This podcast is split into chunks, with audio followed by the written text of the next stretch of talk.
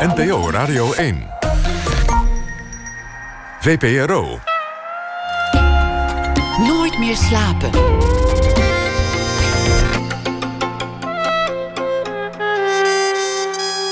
Met Pieter van der Wielen. Goedenacht en welkom bij Nooit meer slapen. Na één uur komt comedian Patrick Larij op bezoek. Hij staat vrijdag in Carré na Theo Maassen. En hij zal in mei optreden in de Ziggo als openingsact van zangeres Anouk. Erik Jan Harmens is deze week onze huisschrijver. Hij zal een verhaal maken bij de voorbije dag en dat voordragen na ene. Maar we beginnen met Steven Aalders. Strakke lijnen, grote vlakken, keurig geometrisch kloppende lijnen. En Aalders heeft duidelijk een herkenbare stijl. Hij pakt misschien de draad op waar Mondriaan ooit was gebleven. Zelf vindt hij dat hij in een traditie staat. Al was het maar omdat hij met olieverf op een doek schildert en zijn werk aan een muur hangt. En dus is hij wel schatplichtig aan Rembrandt, Matisse, Picasso of andere voorgangers. Gesprekken die hij voerde met journalist Robert Altena werden een boek, De Vijfde Lijn. Steven Aalders is geboren in 1959. Hij is eh, beeldend kunstenaar. Zijn werken zijn opgenomen in de belangrijkste collecties van de wereld, waaronder het Stedelijk Museum in Amsterdam, het Haags Gemeentemuseum, Museum Voorlinden in Wassenaar, de Thoma Collection in Chicago en nog veel meer andere. En hij is ook een eh, vermoeibare, onvermoeibaar duider en pleitbezorger van de beeldende kunst. Steven Aalders, hartelijk welkom. Leuk dat je er bent. Dank voor de uitnodiging. Zullen, zullen we gewoon bij het begin beginnen, het begin van je leven? Want je vader was, was dominee. Ja. Waar, waar, eh, waar stond hij voor de kerk? Uh, hij stond in, uh, waar hij stond in Amsterdam. Uh, dus hij was dominee voor de Nederlandse Hervormde Kerk. En dus ik ben opgegroeid eerst in Amsterdam en later in dorp. Schravenland, vlakbij Hilversum. Eigenlijk hier niet zo ver vandaan. Geboren in Middelburg, daarna Amsterdam en uiteindelijk... Ja, in Middelburg ben ik geboren. En uh, dat heb ik niet meegemaakt. Ben verhuisd al uh, snel naar Amsterdam. Dus ik ben eigenlijk opgegroeid in Amsterdam. Tot mijn zestiende heb ik daar gewoond. Maar dan ging het thuis over, over het woord, ja. niet over het beeld. Uh, nou, nee, zeker van mijn vader uit. Die was heel erg woordgericht. En um, dus tekstgericht ook. Het was ook niet alleen dus, de Bijbel, maar ook poëzie en literatuur kwamen ja, aan tafel. en gewoon in gesprekken in ons gezin kwamen die ter sprake. Maar mijn moeder die had wel, en nog steeds, ze leeft nog, veel gevoel voor beeld eigenlijk. Haar, haar vader was uh, beeldhouwer. In ieder geval, hij was opgeleid daarvoor. En um, tekende veel en ook heel goed. En ik heb hem niet verder gekend, want hij is jong overleden.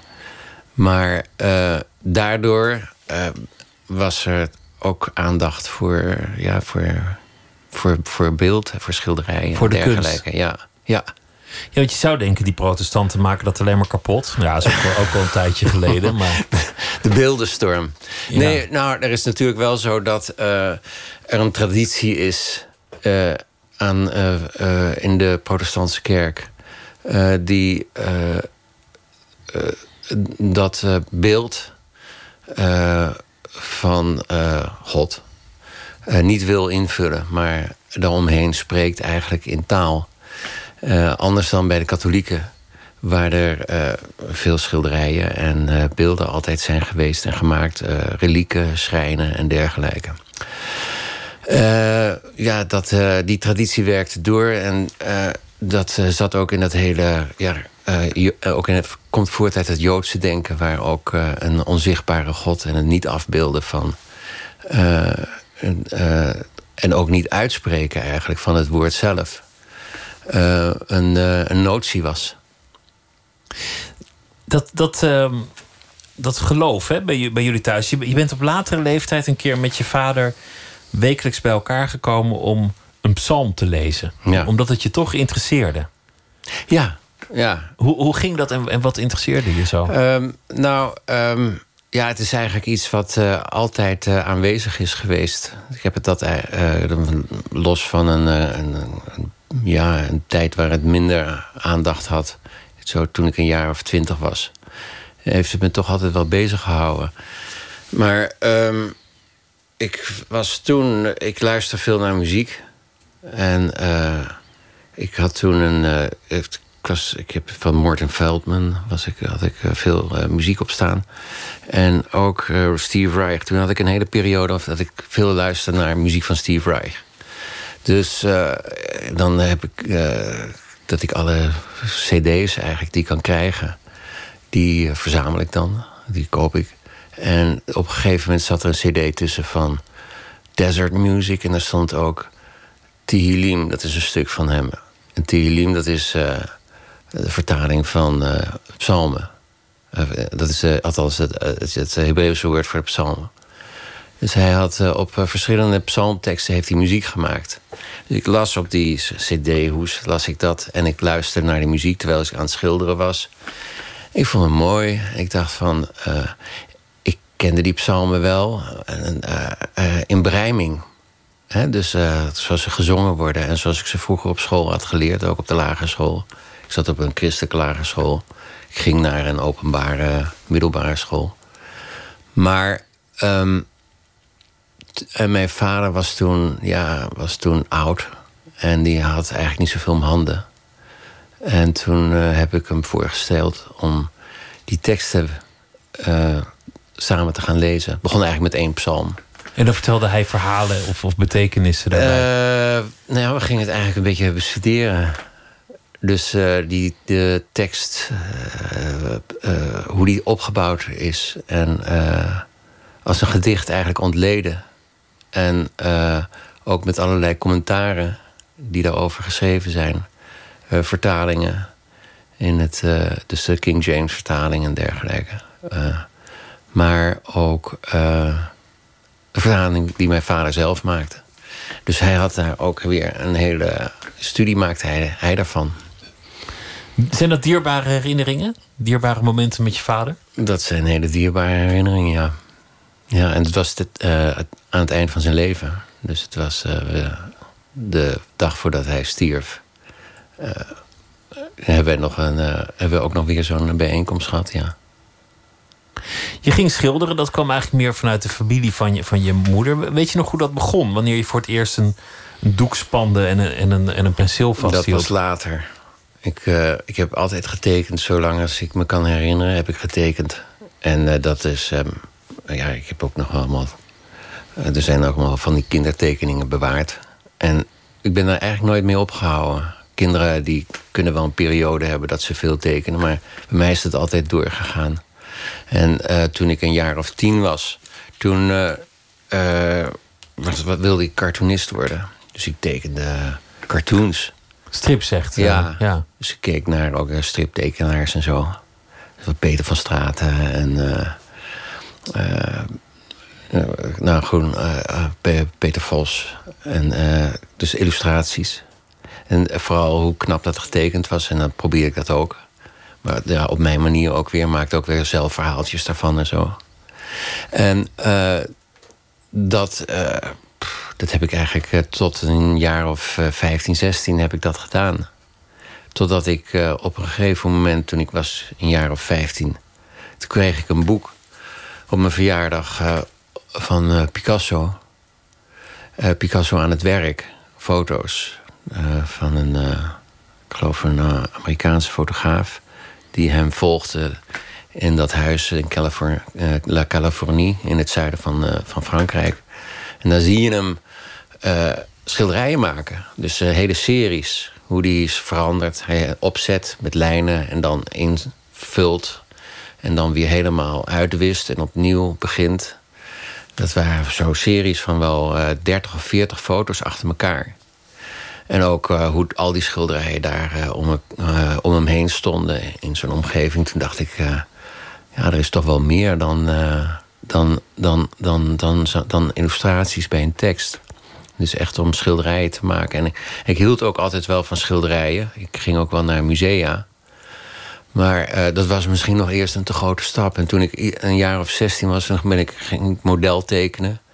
En leerde ik ook van schilders, oudere schilders, om hoe je. Uh, ja, die gaven aanwijzingen. En die brachten het in een groter serieuzer verband.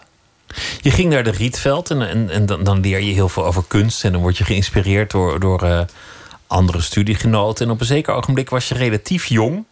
Had je al enig succes.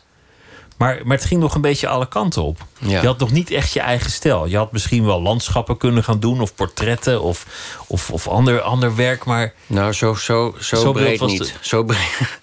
uh, maar ja, het klopt, inderdaad. Uh, ik, ik had nog niet echt een stijl te pakken.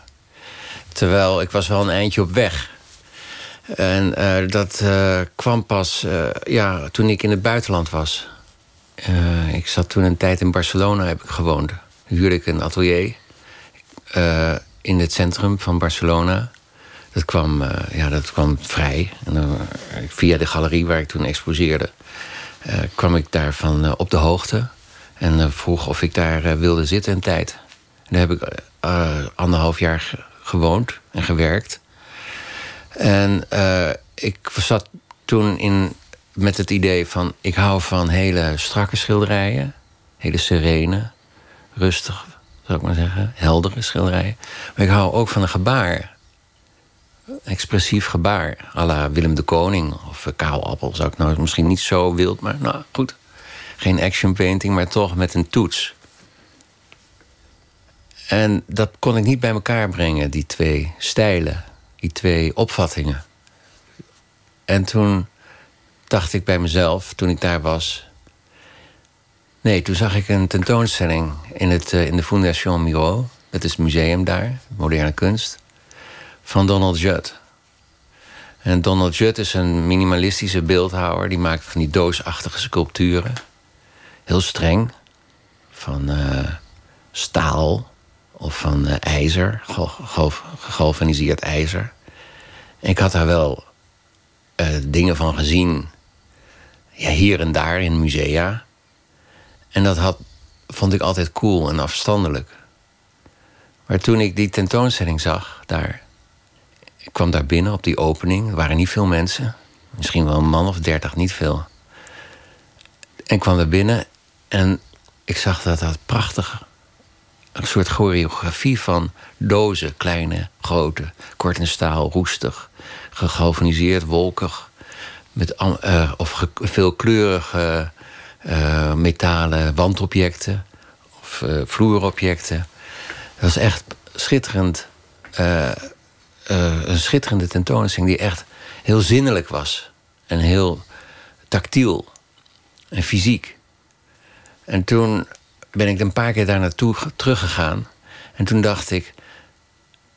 Ik verlang terug naar die zuivere, mooie schilderijen van Mondriaan met die heldere vlakken en die lijnen. En, want in Barcelona werd geschilderd op een hele aardse manier met zand in, het, in de verf en grijs, bruin, zwart. Tapies, Antoni Tapies, een schilder die daar uh, als een soort voorbeeld werd gezien, ook voor de jongere generatie van mijn leeftijdgenoten. En toen uh, dacht ik, het moet, het moet die kant op. Ik moet nu een keuze maken. Het is of het een of het ander. Maar hoe gaat het? Want dan heb je je stijl. Is, het, is dat gewoon een kwestie van een knoop doorhakken... en zeggen, oké, vanaf nu doe ik dit... en dat, dat ga ik helemaal perfectioneren... en, en het andere laat ik voortaan? Ja. Ja, ik dacht, uh, dit is genoeg uh, tot het einde van mijn leven. Zo zeker wist je dat? Ja. Maar het is ook wel een kwestie van discipline. Als iets anders in je opkomt... Ja, maar dan, discipline dan moet je die had laten. ik al een beetje uh, in me opgenomen. Die had ik al een beetje geïncorporeerd door elke dag te werken. En uh, ja, uh, ook, als het niet, ook als het niet gaat, toch naar de studio gaan en proberen door te gaan. Dus uh, die discipline is iets wat je op een gegeven moment in, je, in je ritme komt.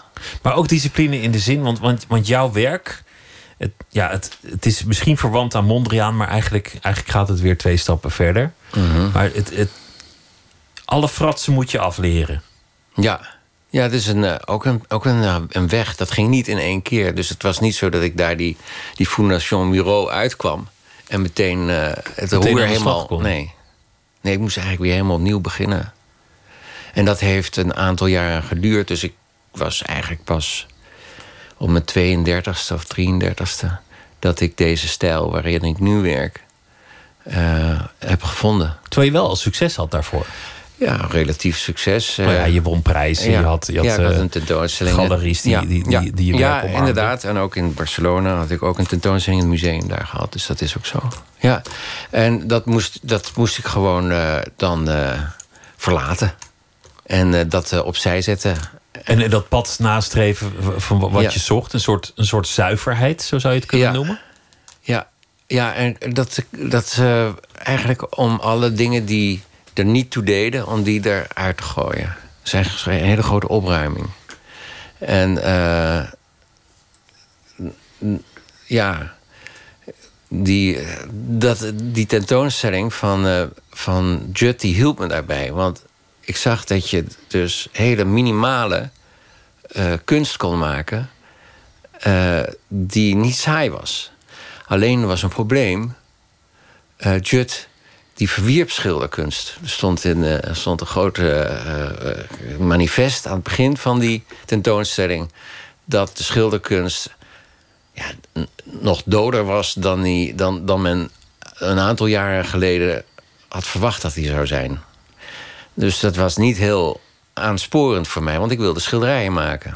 Je wilde, je wilde per se met, Ja. met olieverf op een doek. Ja, ja ik wilde eigenlijk.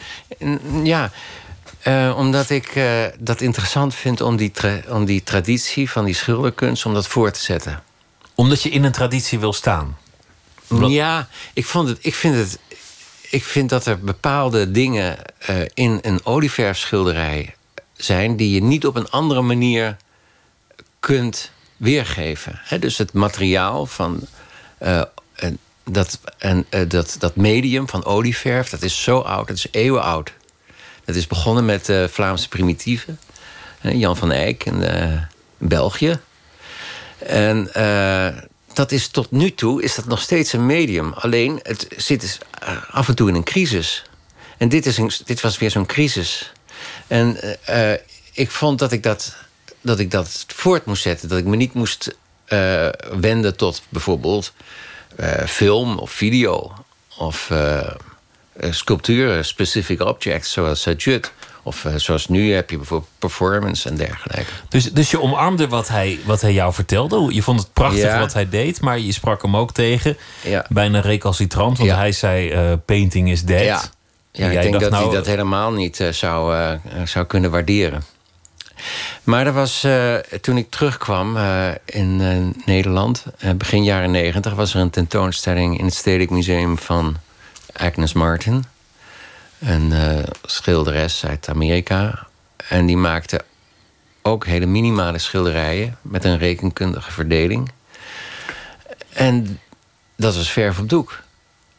En dat was voor mij ook naast die tentoonstelling van Judd een aansporing om door te gaan met deze beeldtaal en dan ook met schilderijen. Als je in zo'n traditie staat, dan, dan, dan, dan, heb, je, heb je zulke reusachtige iconen voor je. Dan, dan sta je eh, op, op de schouders van reuzen.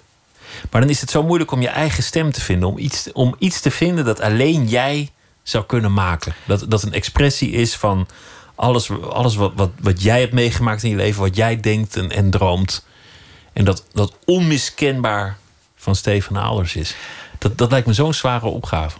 Ja, ik heb dat eigenlijk nooit als een zware opgave gezien. Dat kwam vanzelf. Ja, ja het is. eh, ehm, je moet altijd uitgaan vanuit je eigen ervaringen. Eh, hoe jij tegen de wereld aankijkt. Dus eh, dat maakt het individueel. En die vorm die je kiest. ik vind het interessant juist om een hele universele vorm te nemen, zoals een vlak of een lijn. Die wordt specifiek als jij hem laat met jouw gedachten en jouw emoties. Eh, dat geloof ik. Dat, dat je daar niet vanzelf. Of dat het vanzelf komt. Je hoeft er niet naar, naar te zoeken. Nee, ik denk dat, eh, eh, nee, dat sowieso niet. Maar ik denk dat het ook kan. Ik bedoel, je kan dus ook al is er in die traditie van, die, hè, van het constructivisme, van dat, eh, dat hele minimale schilderkunst, al zoveel gedaan. Je kan er toch nog iets aan toevoegen, denk ik. En ik denk dat het ook goed is, wat, en dat is wat traditie betekent, het woord ook. Het is dus overdragen. Hè? Dus, dus door, doorgeven eigenlijk. En dat maakt, dat staat ook weer tegen dat hele individuele in. Je bent gewoon een, een, een, een moment in de geschiedenis. Wat, wat ook een heel, uh, heel erg eh, religieuze gedachte is. Dat is iets wat een dominee zou kunnen zeggen. In een traditie staan. Ja. Gezag uh, aanvaarden van je voorouders en het doorgeven aan een volgende generatie. Ja. En ook het streven naar zuiverheid. Dat, dat is eigenlijk ook een Calvinistische gedachte. Ja, ik heb dat nooit uh, van tevoren. Uh, ga ik daarvan uit, maar dat is waarschijnlijk een bijkomstigheid vanuit wie ik ben. En, en, waar, en, zo, en, en, hoe ik gevormd ben. Maar ehm, kijk, ik ben een schilder. Dus ik denk helemaal vanuit, het, vanuit schilderkunst. En er zijn natuurlijk wel allerlei gebieden. Ik denk ook natuurlijk na over hoe wij hier gekomen zijn en wat we hier doen en waar we naartoe gaan. Dat soort vragen, filosofische vragen. Filosofische, religieuze vragen, zo je wilt. Maar ik probeer dat in schilderkunst om te zetten. En dus me ook bezig te houden met schilderkunstige vragen. Dat is interessant, want dat, kijk, als, als iemand een, een, eh, een, een heilige leven schildert, of, of een Maria, dan, dan snap je dat, de, dat zijn filosofie de weg naar het doek heeft gevonden. Maar als iemand lijnen zet, strepen. Dan, dan, dan, verwacht je niet dat daar een filosofie achter zit of dat daar metafysica bij komt kijken. Nee, maar, dus, ja, nee, maar dat, dat uh, kijk, er zijn in de geschiedenis. Ik ben daar niet de enige in die uh, zich uh, op die manier met die taal zich uitdrukt. Um, kijk naar bijvoorbeeld Barnett Newman. Die heeft door middel van titels um, aangegeven dat, zoals hij het uitdrukt, het schilderij niet alleen fysiek is, hè, dus verf op doek, maar ook metafysisch is.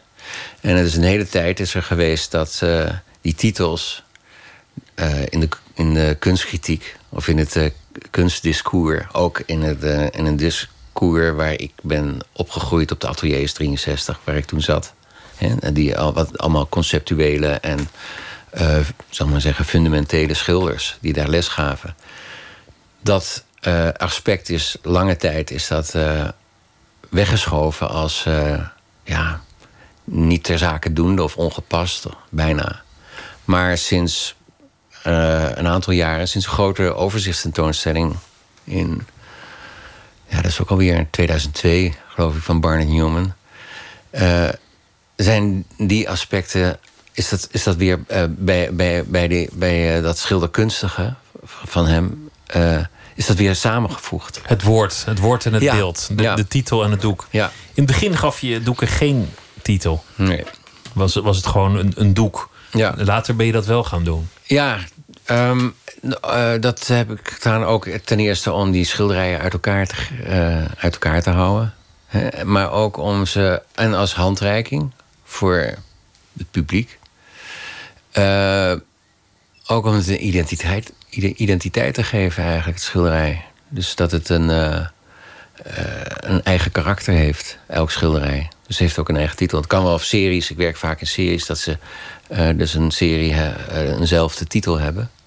Maar, um, en dat is ook natuurlijk omdat ik denk, omdat taal ook een onderdeel is van mijn werk. Ik schrijf ook over kunst. Dus. Dat hoort er ook bij om in die traditie te staan. Je moet ook vertellen over de kunst van anderen zodat ja, je je daartoe verhoudt. Die, die, neiging heb ik nu eenmaal om dat te doen. En ik heb daar ook plezier in om dat te doen, om dat te formuleren. Dat is wat, wat ik zie en wat ik, uh, wat ik denk over kunst.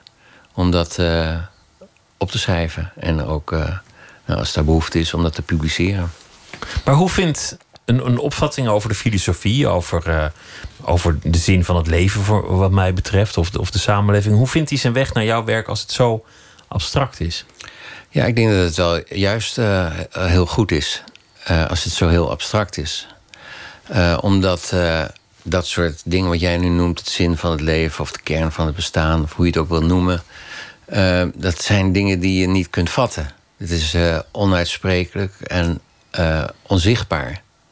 Maar in kunst, poëzie, omschrijf je dat. je maakt een concreet iets, taal of, of, of een beeld, wat iets daarover zegt. Uh, meer dan dat je, zoals in filosofie bijvoorbeeld, het met definities probeert uh, uh, te vatten.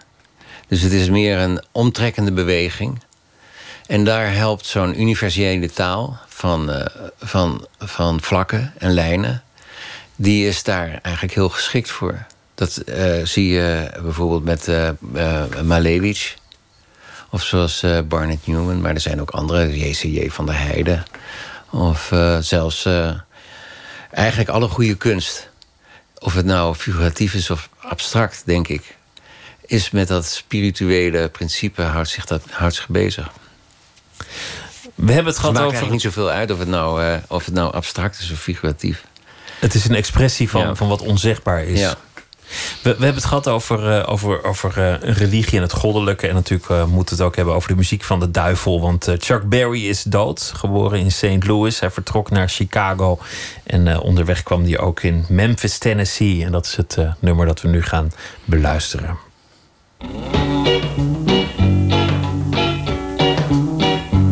Long distance information, give me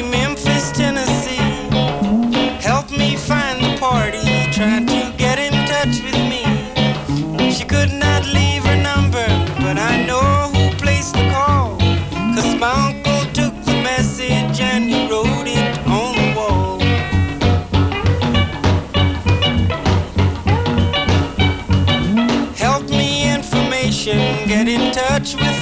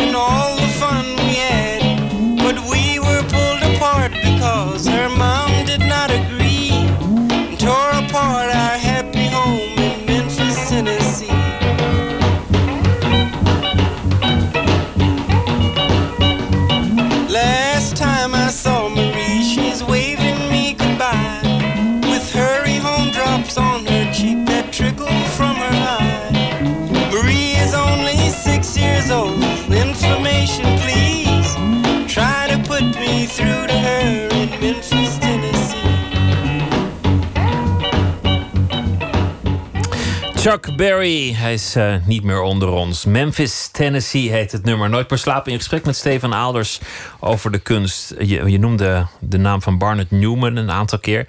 Zijn, uh, zijn werk, abstracte kunst, is twee keer vernield in het Stedelijk Museum. Weliswaar door dezelfde.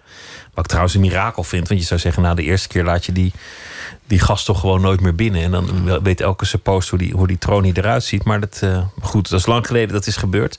In Berlijn ook nog een keer heeft iemand uh, een van zijn doeken aangevallen. Dat is wel interessant, dat, dat abstracte kunst agressie kan oproepen. Ja. Dat, dat mensen gewoon zo woest worden dat ze dat doek te lijf gaan. Ja, nou bij uh, Barney Newman kun je zeggen dat het uh, zo fysiek is... en zo, uh, zo'n impact heeft, die grote kleurvelden. En rood, hè? Rood is geen ja. neutrale kleur. Ja. Denk aan een stier en een lap. Ja, inderdaad.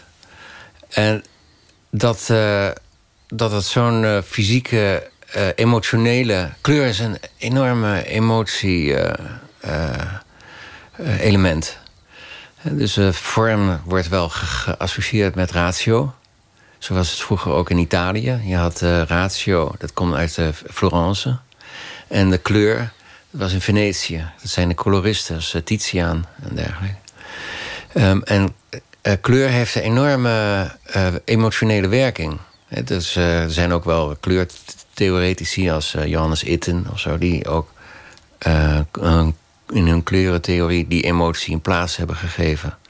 Dat kleuren, geel bijvoorbeeld met haat te maken heeft... en blauw met contemplatie. Nou ja, goed.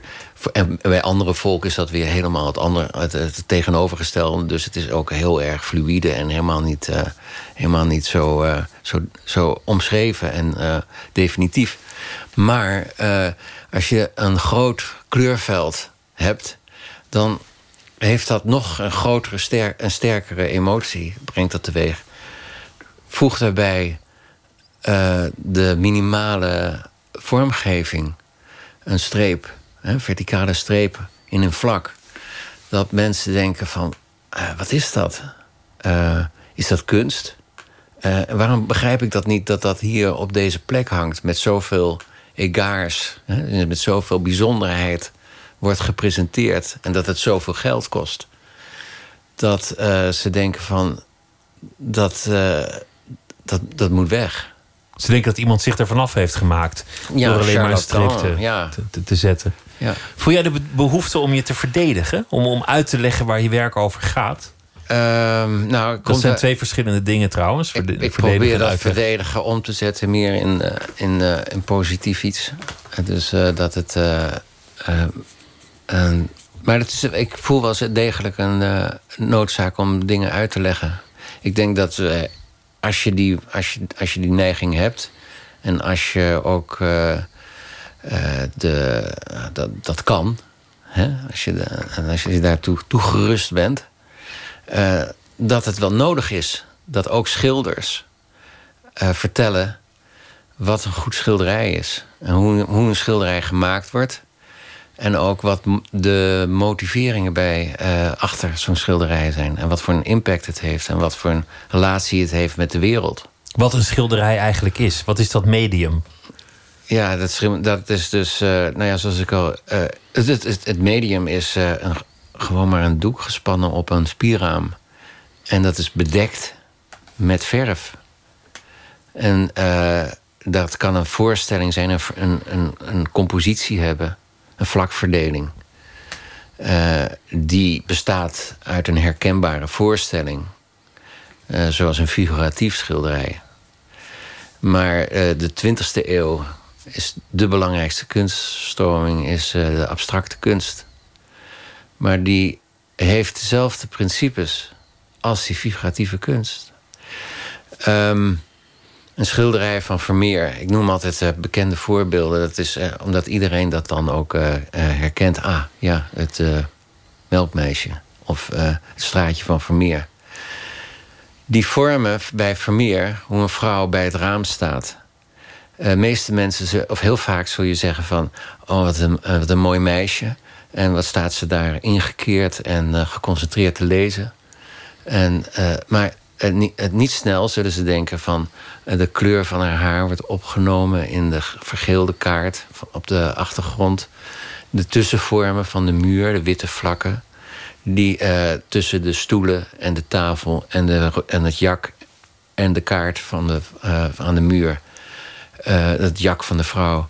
die tussenvormen, die manifesteren zich evenveel als de voorwerpen die de voorgrond vormen. Dus de achtergrond is even belangrijk als de achtergrond. Dus de schilder heeft ook even lang gewerkt aan die, aan die muur... als aan die stoelen, als aan het jak... als ook aan de expressie van dat meisje, wat daar staat te lezen. Eh, dus dat, dat, dat schilderij is een eenheid. Een grote eenheid door de vlakverdeling. Dus de En dus- achtergrond is net zo belangrijk als Ja. wat, wat, Ja. wat in beeld komt. Wat ten eerste uit het oog springt, namelijk het meisje of, of, het, of het straatje. En dat maakt die, die, die kleuren en eh, die vlakken... eh, dat zijn de dragers eigenlijk van die emotie die het oproept bij de kijker. Dus in die zin is al de, de afstand tussen wat Vermeer deed en, en wat jij doet bijvoorbeeld al minder groot dan je zou vermoeden. Ja. Ja, is eigenlijk geen afstand. Hoe kijk jij naar zo'n doek als je, als je door een museum struint en je ziet een Vermeer of een Rembrandt of een Caravaggio? Hoe, hoe kijk jij daarnaar? Nou, eh, precies wat ik eh, dus eh, net zei.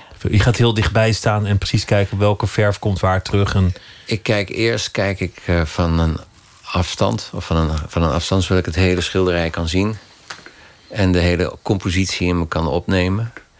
En dan kijk ik naar de bestanddelen, hoe ze in verhouding tot elkaar staan. Dus als je een schilderij hebt van uh, Caravaggio bijvoorbeeld, dat is een voorbeeld wat ik ook in het boek noem. Um, waar een geesteling van, van, van, van Christus. Die wordt dus door twee figuren wordt die, dus gegezeld. Dan is die hele compositie opgebouwd uit lichaamsdelen, de richtingen. Dus, dus ik kijk dus eigenlijk naar uh, abstracte vormen. En die abstracte vormen die staan zo uh, in een relatie tot elkaar dat het die dynamiek geeft en die, die, die verschrikkelijke ja, dat slaan, hè, dat wordt door die abstracte vlakken wordt dat teweeggebracht. Zo kan je dat ook zien bijvoorbeeld in een schilderij van Kandinsky. Dat helemaal abstract is. Maar waar uh, dezelfde bewegingen, uh, lijnen... en alleen die herkenbare elementen als voeten, handen, gezichtsuitdrukking... zijn daar niet aanwezig. Maar is het puur beweging en kleur. Um, eigenlijk is een abstract schilderij dan... als je door je oogharen gaat kijken... dan vallen al die bijzonderheden weg. Die fysionomische details en die handen en voeten en dergelijke. En dan, en dan zie je, dan zie je de, de, de dynamiek van de compositie. En dat is, eh, dat is het eerste wat eh, op je afkomt, ook als toeschouwer. Snap je? Dus dat verhaal hè, van, die, van, die, van, van die geesteling... die is dan niet meer zo belangrijk. Het gaat hier om een drama. En dan met, met licht en donker en beweging. En zo kom je bij wat jij noemt de essentie van kleuren, lijnen en vlakken. Ja. Als je, als je werkt met olieverf, zoals jij doet, want je hebt tegenwoordig ook allerlei uh, andere verfsoorten die heel snel drogen of die, waarbij je heel strak kan schilderen. Maar met olieverf dan zadel je jezelf toch ook met problemen op. Het gaat een beetje druipen, het gaat mengen, het gaat, uh, gaat misschien korrelen, het, het, het gaat lekken. Het, het, is nog best ingewikkeld om het zo strak te houden als je met, de, met die verdomde olieverf in de weer bent. Ja. Dat, het, dat, het niet, dat het niet een bende wordt. Ja, nou, in, in het begin gaat het uh, ook helemaal niet goed. Dan wordt het gewoon geklieder. Ja, je moet het onder de knie krijgen. Hoe lang moet het drogen bijvoorbeeld, de eerste laag? Een, oh, een eerste laag, ja, dat uh, hangt er vanaf wat voor een uh, pigmenten je gebruikt. En uh, hoe dik je het opzet. Hoeveel medium of hoeveel verdunningsmiddel die je gebruikt. Maar een week, een week lijkt me niet ongebruikelijk, toch? Mm, nou, zeker voor sommige lagen moet je zeker een week wachten, ja. Ja, en het, dus, helpt, het, helpt, niet om te blazen, dat, dat je dan een beetje eroverheen nee, er is wel een, een, een bepaalde vochtigheids- en een warmtegraad van de ruimte... die werkt wel mee. Maar dat is ook een reden waarom ik in series werk. Zodat ik aan meerdere schilderijen tegelijk kan werken. Dus maar dat lijkt me zo interessant als je, als je dan jouw soort kunst maakt. Hè? Je maakt een vlak. Nou, dan moet, moet een week. Mm -hmm. Volgende laag weer een week. En dan een week. En dan moet je die streep zetten. En dan moet, moet heel strak. En dan moeten ook eigenlijk meerdere lagen. Dus dan moet heel zorgvuldig.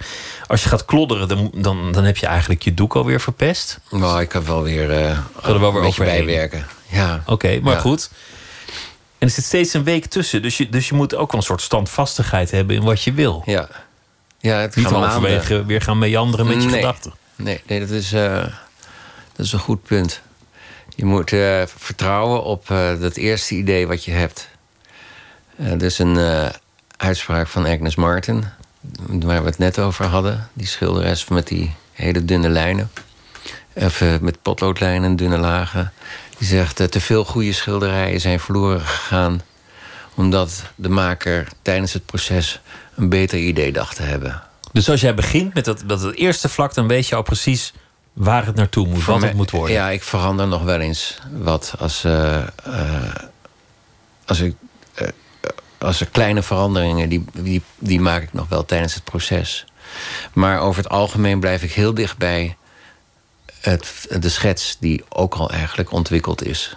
En ik maak een schets of een, een, een tekening Want je bent, begon, je bent begonnen met tekenen ooit, dus dat doe je eigenlijk nog steeds. Ja, Ja, ik begin met uh, potloodtekening en schetsboeken of op uh, ja, schetsboeken. En die werk ik weer uit in, uh, in collages. En met gekleurde stukken papier. Dat zijn voorbereidingen voor de schilderijen. Dat is een heel planmatige opzet. En meestal maak ik binnen een paar dagen maak ik, een hele productie voor een, voor een jaar. En dan volgt daarna volgt dan dat hele langzame proces van het uitvoeren. Dat gebeurt vaak in Griekenland. Je, je, bent eens per jaar ben je een periode in Griekenland. En, en daar, daar volgt eigenlijk de basis voor wat een jaar de oogst wordt. Ja. Gewoon tekeningen. Tekeningen en met aquarelletjes. Dus met, met een, uh, een verfdoosje. En dan zit ik uh, s ochtends. het is aangenaam daar. Dan kan ik buiten kan ik zitten werken. In de schaduw. En dan werk ik een paar uur. Of s'avonds dan kijk ik er nog naar en dan werk, ik weer, werk ik weer wat bij. Of dan heb ik weer een, een ander of een beter idee. Waaruit bestaat zo'n idee? Wat is de gedachte bij zo'n bij zo'n idee? Uh, is het iets wat je wil, wil uitdrukken of is, is het gewoon meer een vorm die in je opkomt? Ja, het komt meestal voort uit het voorgaande werk.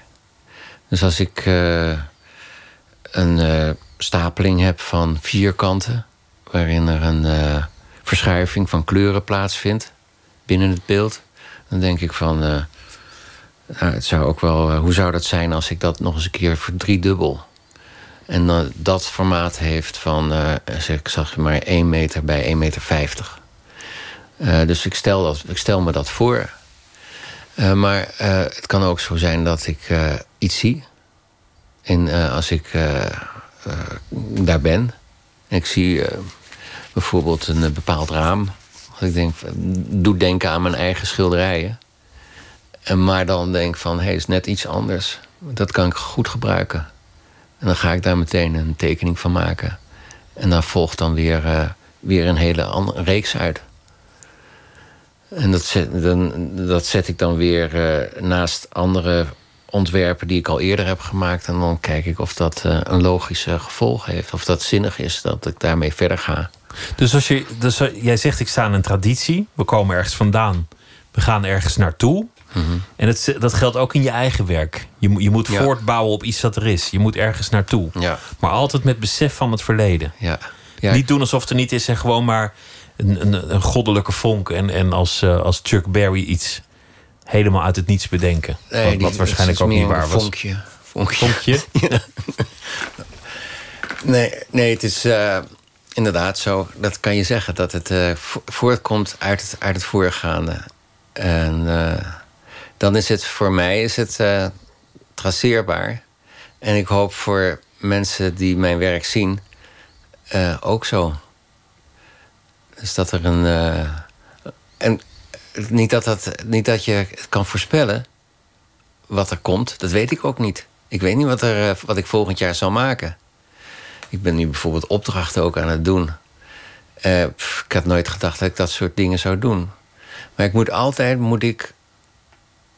Een, moet, wat ik doe, moet in te passen zijn in datgene wat ik daarvoor heb gedaan. Op de een of andere manier. Zodat je, zodat je, je leven richting heeft of je oeuvre. Ja.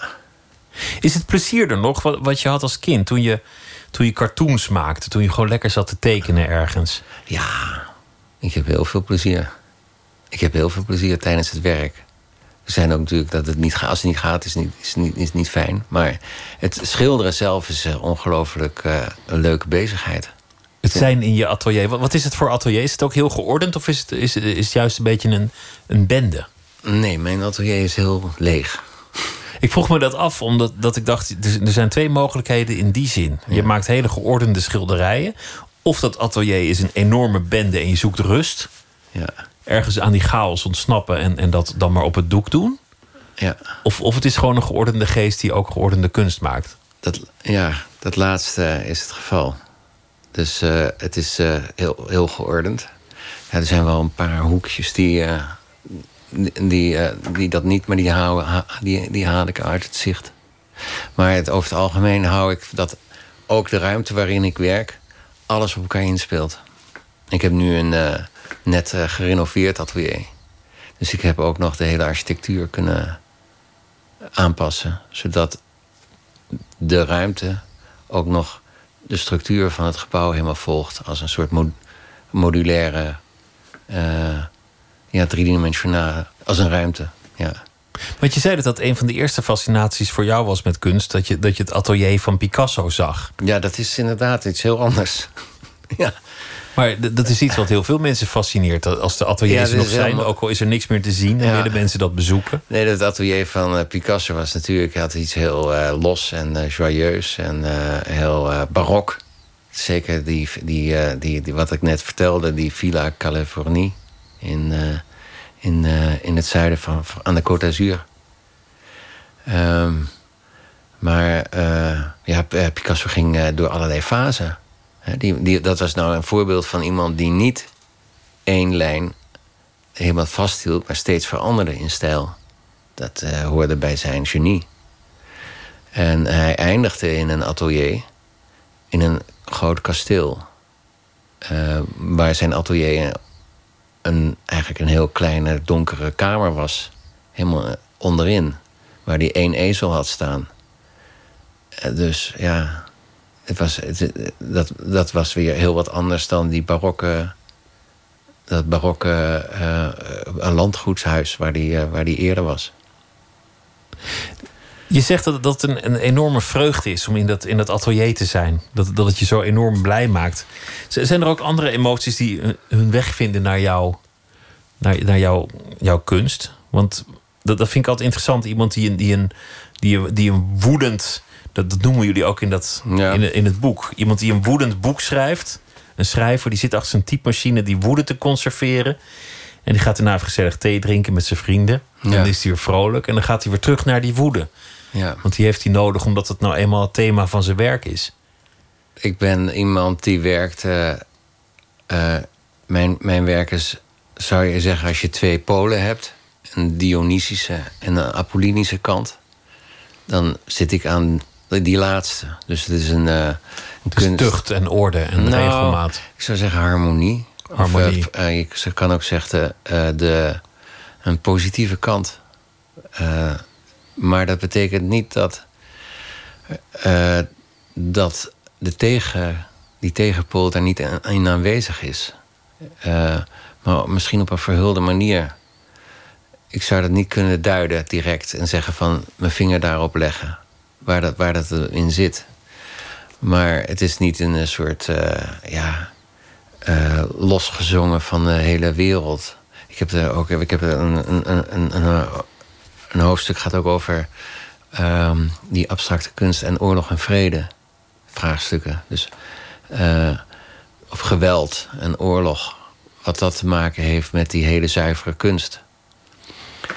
Ehm, maar ik, de- ik denk dat we vooral eh, dat, die, die constructieve kant, dat dat mijn, mijn dat geluid is wat ik eh, wil voortbrengen.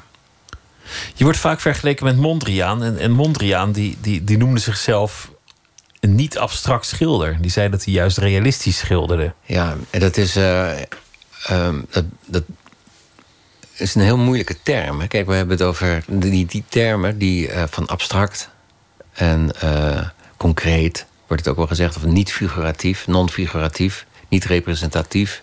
Het zijn allemaal termen om aan te duiden, dat gebied aan te duiden ehm, van voorstellingsloze beelden. En toen in de jaren twintig eh, Mondriaan eh, gedefinieerd werd, ook door zijn omgeving. Toen zei men ook dat het abstracte kunst was. Maar abstract betekent dus eh, afgetrokken van de werkelijkheid. Hij zei dat zijn schilderijen wel degelijk werkelijk waren en tastbaar waren. Zoals eh, een tafel of als een stoel. Dus wat dat betreft heel reëel. Eh, misschien nog wel reëler dan eh, een af, afbeeldend schilderij van een, eh, een nymf in een bos of zo. Hè? Wat, een, eh, eh, wat, wat maar een voorstelling is en wat een illusie is. Zijn schilderijen was echt verf op doek. En kleur, puur kleur. dat die, die vlakken nog ruimtelijk maken. Hij probeerde het niet op iets te laten lijken dat het niet was. Er was geen landschap, er was niet een boom Precies. of een bos. Dat, dat is, dat is, of- dat is illusie. meisje. Eigenlijk was dat meer abstract dan datgene wat hij deed. Snap je? Maar dat lyrische is, is wel interessant als je mensen naar Mondriaan ziet kijken. Of, of naar, naar eh, Barnett Newman, wat mij betreft. Dat die wel een soort euforie kunnen ervaren door er naar te kijken. Dat, dat, Ja. dat mensen er toch naar kijken. Zo, Rothko heeft dat in, in, in zeer grote mate. Er was een tentoonstelling, het was er veel te druk. En mensen wilden in trance voor dat doek staan. Ze, ze vochten bijna voor een plekje. En, en die, er kwam van alles los in, in, in, in die mensen. Ja, het was ook echt ook wel de bedoeling van Rothko. Hè? Hij zei van, ik wil graag dat de mensen huilen voor mijn schilderijen. Dat vind ik, zelf vind ik dat een beetje too much. Maar het kan wel met een, met een, met een heel. eh, een doek dat niet iets voorstelt. Ik bedoel, er staat- niet een huilend iemand op of een, eh, of Nee. een verwelkte bloem of zo. Nee, maar dat is waar we het al eerder over hadden. Dat eh, kleur en kleurvelden kunnen dat losmaken bij mensen. Of regelmaat. En, en ook eh, dat een schilderij echt een confrontatie is. Dat je kijkt naar een ander. Dat het een persoon is bijna. Ehm, en bij Rothko was het ook zo dat hij zijn kleurblokken zag hij als, eh, als personen ook, eigenlijk als acteurs op een, eh, op een toneel. Ehm, waarschijnlijk is dat toch iets wat hij erin heeft gelegd, wat dat bij die mensen losmaakt.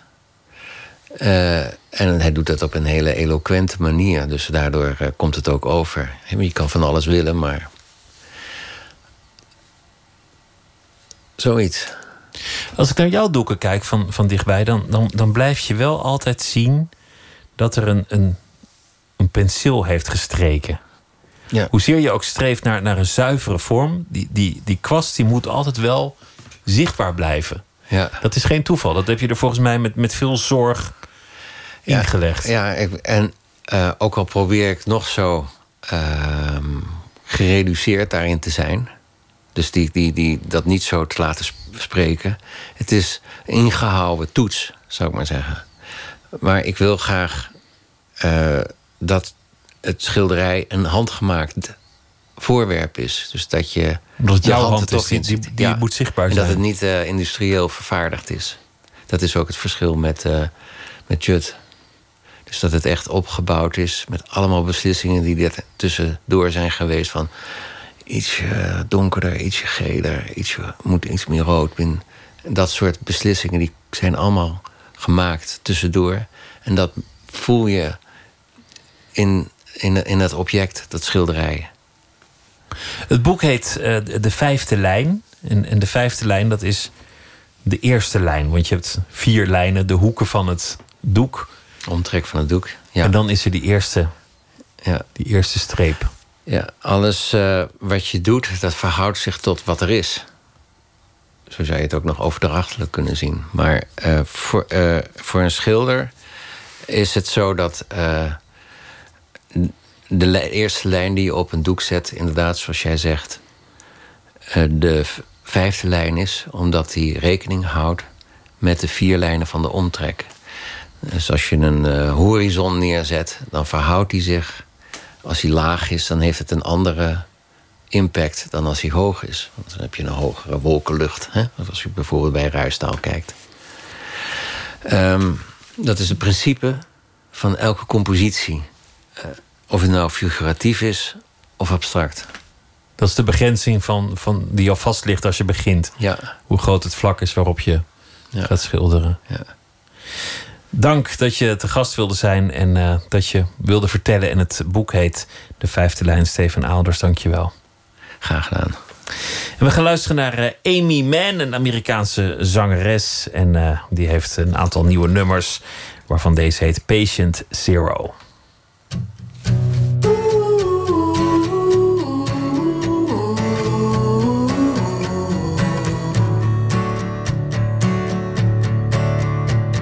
They served you champagne like a hero. When you landed, someone carried your bag. From here on out, you're patient zero.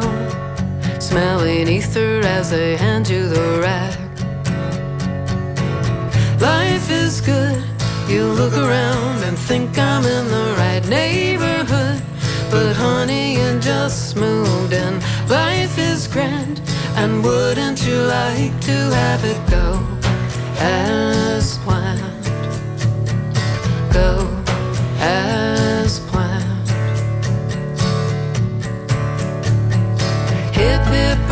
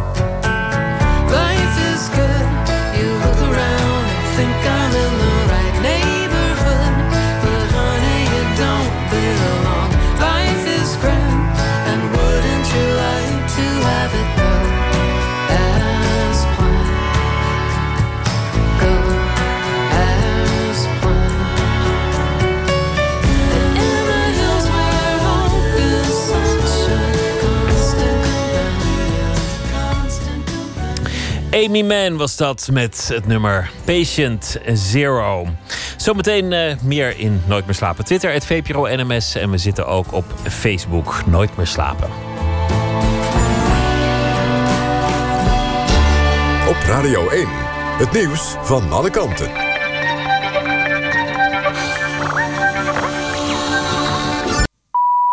1 uur, Anouk Thijssen met het NOS-journaal. In Frankrijk hebben de presidentskandidaten voor het eerst op televisie gedebatteerd. Het debat duurde uren. Belangrijke thema's waren de Europese Unie, migratie, integratie. Tijdens het debat kwam het tot felle botsingen... tussen de rechtspopulistische Le Pen en sociaal-liberaal Macron. Dat zijn de twee grootste kanshebbers. Zo zei Le Pen dat ze geen president wil worden... van een vage regio in de Europese Unie. Macron noemde de EU juist rechtvaardig, effectief... en een project van hoop. De eerste ronde van de Franse presidentsverkiezingen vindt plaats op 23 april en de tweede volgt op 7 mei. Honderden banken zijn wereldwijd betrokken geweest bij het witwassen van Russisch crimineel geld. Het is niet duidelijk of de banken hier bewust aan meededen. De onthulling komt van een groep onderzoeksjournalisten die ook de Panama Papers naar buiten bracht. De Russische krant Novaya Gazeta heeft de gegevens van 70.000 transacties in handen gekregen. Er zouden ook Nederlandse banken bij zijn betrokken. De kans is groot dat Khadija Ariep voorzitter blijft van de Tweede Kamer. Waarschijnlijk komen VVD, CDA, D66, GroenLinks en SP niet met een eigen kandidaat. De PvdA wil Ariep juist graag voordragen voor een nieuwe termijn. Volgende week woensdag wordt de nieuwe voorzitter gekozen. Ariep volgde begin vorig jaar Kamervoorzitter van Miltenburg op... die opstapte in de nasleep van de Teven-deal. Multimiljardair David Rockefeller is overleden. De bankier was de jongste en laatst levende kleinzoon... van de oprichter van Standard Oil. Zijn familie was lang de rijkste en machtigste van de Verenigde Staten. Sinds 2004 beheerde David Rockefeller het familiefortuin. Hij was daarmee de oudste miljardair ter wereld. Rockefeller had nauwe banden met politici en Amerikaanse presidenten. Ook zou hij bijna 2 miljard dollar hebben gedoneerd aan goede doelen. De bankier was 101 jaar oud. Het weer, komende uren wordt het geleidelijk droog. Overdag trekt de neerslag die nu nog valt in het oosten ook weg. In de middag breekt dan de zon goed door en het wordt maximaal 10 graden. Dit was het NOS Journaal. NPO Radio 1. VPRO. Nooit meer slapen.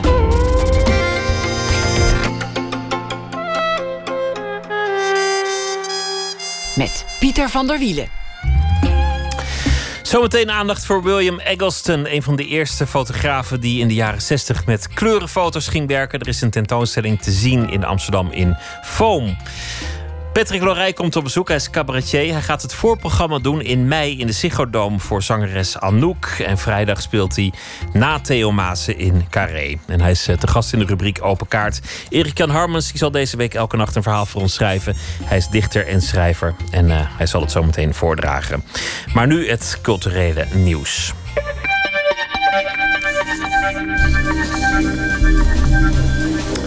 Vandaag was een eh, spannende dag voor uh, literair minnend Nederland. Want de shortlist is bekendgemaakt van de Libris Literatuurprijs.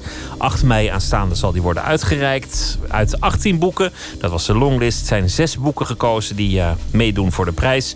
Marja Pruis voor Zachte Rieten, Alfred Bernie voor De Tolk van Java, Arnon Grunberg voor Moedervlekken, Walter van den Berg voor Schuld, Jeroen Olieslagers voor Wil en Lise Spit voor Het Smelt. En de winnaar zal 8 mei aanschuiven in dit programma. Yeah.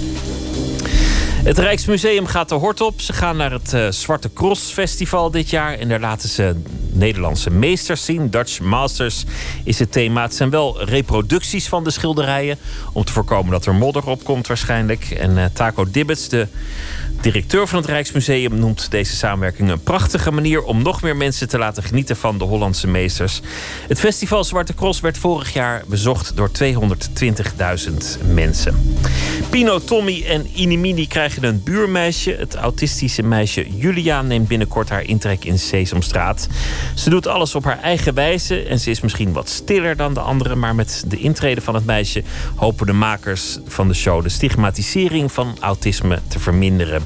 En vooralsnog uh, gaat ze alleen in de Amerikaanse versie van Sesamstraat wonen. Cultureel nieuws uh, ook uh, uit Vlaanderen. Modeontwerpster Toos Franke, die als een van de grote beloftes van de Vlaamse modewereld geldt, presenteerde dit jaar tijdens de Amsterdamse Modeweek haar nieuwe collectie. Wat centraal stond waren sobere, minimale, androgyne kledingstukken. En ze toonde ook onder meer een grote trui met ritsen aan de mouwen die je kan openzetten. En uh, tot haar grote verbazing zag ze een vergelijkbaar ontwerp dat wel heel erg leek op haar ontwerp hangen in de rekken van een beroemde Spaanse modeketen. Plagiaat of niet? Toos Franke, goeienacht.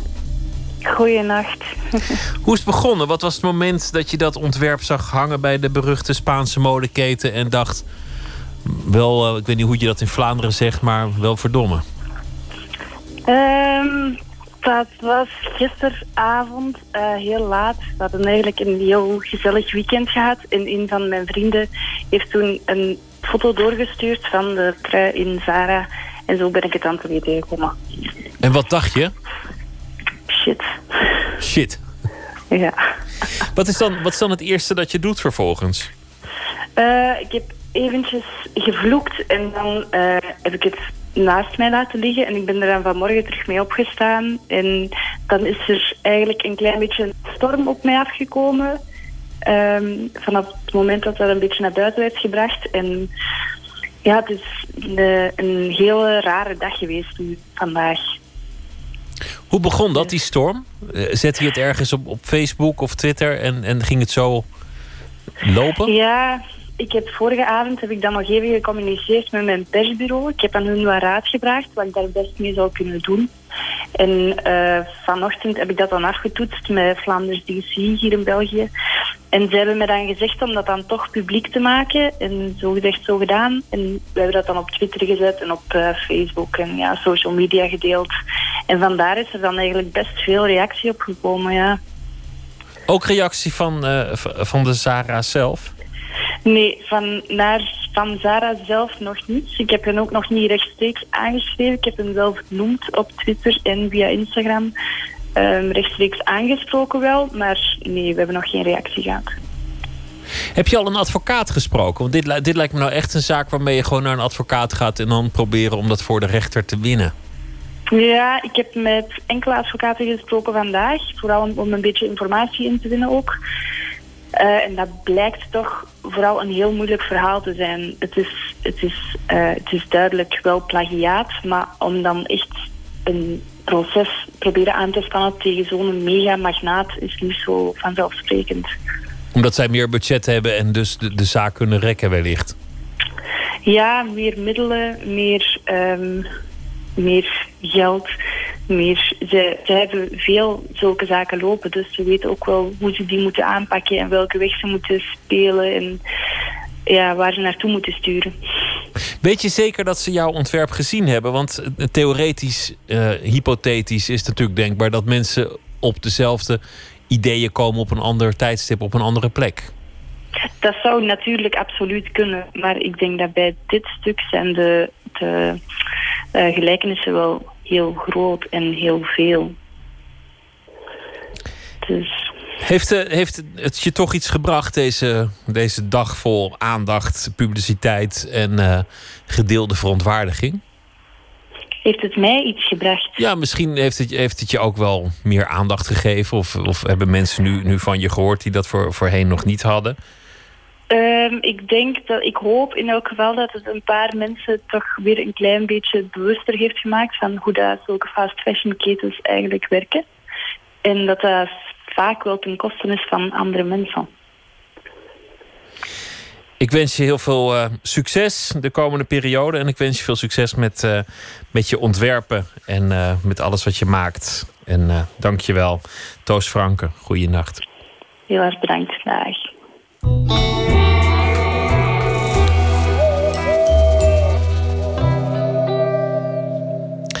Elliot Moss komt uit het stadje Mamaroneck, net buiten New York. En dit is zijn eh, nieuwe single, Closed Loop.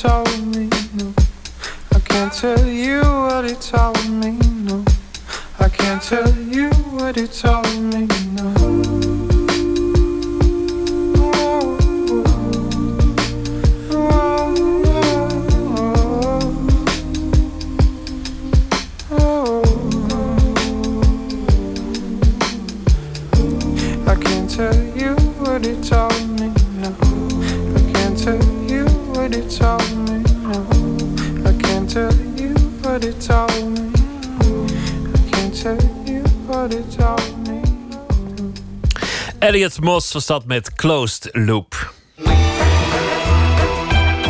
Nooit meer slapen. De 78-jarige William Eggleston geldt als een pionier in de kleurenfotografie. In 1976 stelde hij voor het eerst zijn kleurenfoto's tentoon in MoMA in New York en dat veroorzaakte opschudding. Kleurenfoto's werden tot die tijd, gek genoeg in de kunstwereld, een beetje gezien als iets vulgairs en frivols. In Foam in Amsterdam is nu een tentoonstelling te zien, Los Alamos, met kleurrijke foto's van Amerikaanse diners, tankstations en voorbijgangers. Live as it is, heeft hij het zelf ooit eh, genoemd. Musche die ging daar naartoe met de Nederlandse fotograaf Bertien van Manen, die geïnspireerd is door Eggleston. Often people ask what I'm photographing. It's a hard question to answer. And the best I've come up with is I just say life today.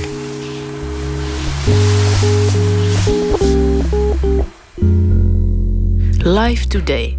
Dat is wat de Amerikaanse fotograaf William Eggleston probeert te vangen. Al ruim 50 jaar. Een verkeersbord in de avondzon, een tankstation, een rondslingerend kinderfietsje. Hij verhief het alledaagse Amerika tot onderwerp. Daarin was hij op zich niet de eerste. Robert Frank publiceerde al in de jaren 50 foto's van het gewone leven in de VS in zijn boek The Americans. En dat is nog steeds een bijbel voor alle fotografen. Dit is fotografe Bertien van Manen. Ze is een leeftijdsgenoot van Eggleston. Ergens eind 70, maar ik moet je zeggen van haar.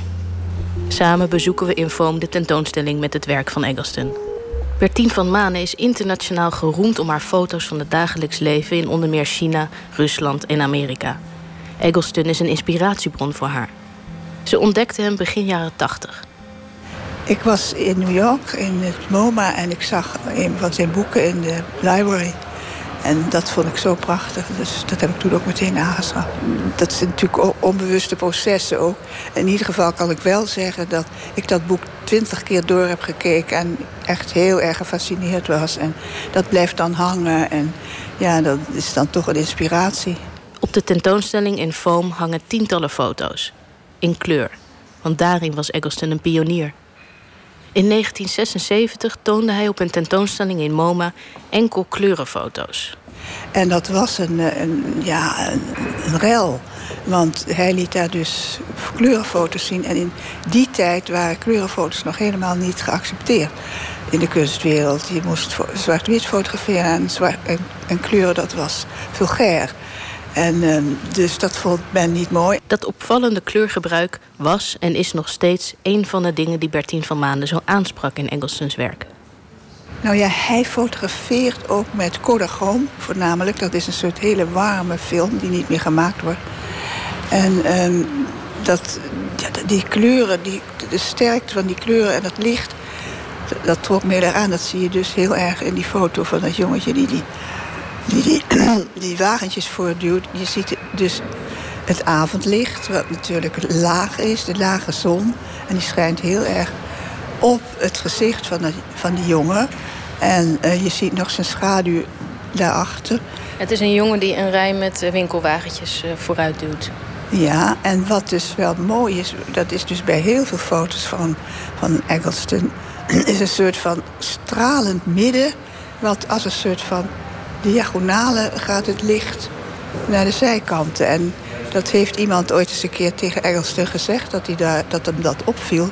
Toen was hij even stil en toen zei hij... ja, ik ben geïnspireerd door, de confederale vlag. En de confederale vlag is de vlag van de zuidelijke Amerikaan... tijdens de burgeroorlog, die dus heel erg voor slavernij waren. Maar dat uh, doet er verder niet toe. Maar daar, daar zie je dus ook een middelpunt... en dan van de diagonale naar de hoeken. En daar is, hij zei dat hij daardoor geïnspireerd was. En als je daarop let, al die foto's hebben een soort van concentrisch midden wat uitstraalt naar de kanten. In, in meerdere of mindere mate. Maar je moet natuurlijk iets van fantasie hebben om dat overal in te zien. Maar het is wel, als je erop let, is dat wel zo. En verder gaf Eggleston natuurlijk ook niet zo'n ontzettend mooi beeld van Amerika. Want wat hij liet zien was echt wel een beetje aan het randje van de samenleving. En ja, zeg maar vuilnisbakken en uh, verkeersborden en jongetjes met, met uh, winkelwagentjes en zo. En dat werd niet gezien als uh, representatief voor Amerika. Want hij, hij fotografeert totaal onbelangrijke dingen. Het is een soort van dagboek wat hij maakt. En ook zo lelijk, weet je. Dat, dat is ook zo leuk. Alles is lelijk wat hij fotografeert. Maar hij fotografeert het op zo'n manier dat het weer een hele mooie foto oplevert. Dat is hartstikke knap.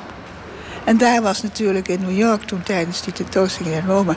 enorme reactie op van waarom laat je alleen maar lelijk Amerika zien?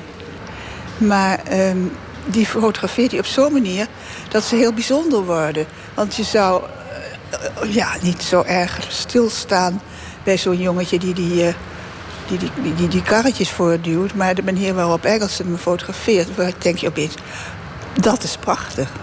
Hele triviale dingen. Herken je daar iets in? Ik probeer dat ook. Ja, weet je, het is niet voor niets mijn voorbeeld met Robert Frank. Robert Frank heeft ook heel van die triviale maar die had veel meer mensen. Die heeft uh, ja, ook veel meer interieurs en zo gefotografeerd. En Eggleston zie je toch voornamelijk op straat lopen. Op de tentoonstelling is ook een documentaire te zien. Daarin zie je Eggleston aan het werk. Hij loopt wat rond een oude container, kijkt eronder en klikt. I do have a personal discipline. I've only taken one picture of one thing. Not two. I would take more than one get so confused later when I was trying to figure out which was the best frame. I said this is ridiculous. I'm just going to take one. That's going to be Ja, dat, dat vind ik dus heel knap, ja. Hij maakt maar één foto en dat is dus altijd raak. Dat is echt, dat is talent. Heel bijzonder. Ja, Robert Frank maakt er twee. En ik probeer mezelf ook heel erg te beperken. Dus als ik op reis ga, dan neem ik um, heel weinig... Want ik, ik fotografeer weer analoog. En dan neem ik heel weinig films mee. Juist om mezelf te dwingen om heel geconcentreerd te kijken... en genoeg te hebben aan één, hoogstens twee foto's. Wat zie je foto, daar ben ik dus echt jaloers op. Dit soort foto's probeer ik dus altijd te maken. Dat avondlicht door het raam van een vliegtuig. Je ziet de schaduw van een hand op het blad. Hoe dat, het blad wat je naar beneden hebt gedaan. Daar staat op een glas cola met een heleboel ijs. Daarin een rietje en dan een hand. En daarboven het raam. Dat is alles eigenlijk wat je ziet. Maar het is zo ongelooflijk mooi van compositie en, en indringend. En ook weer dat glas dat precies in het midden staat.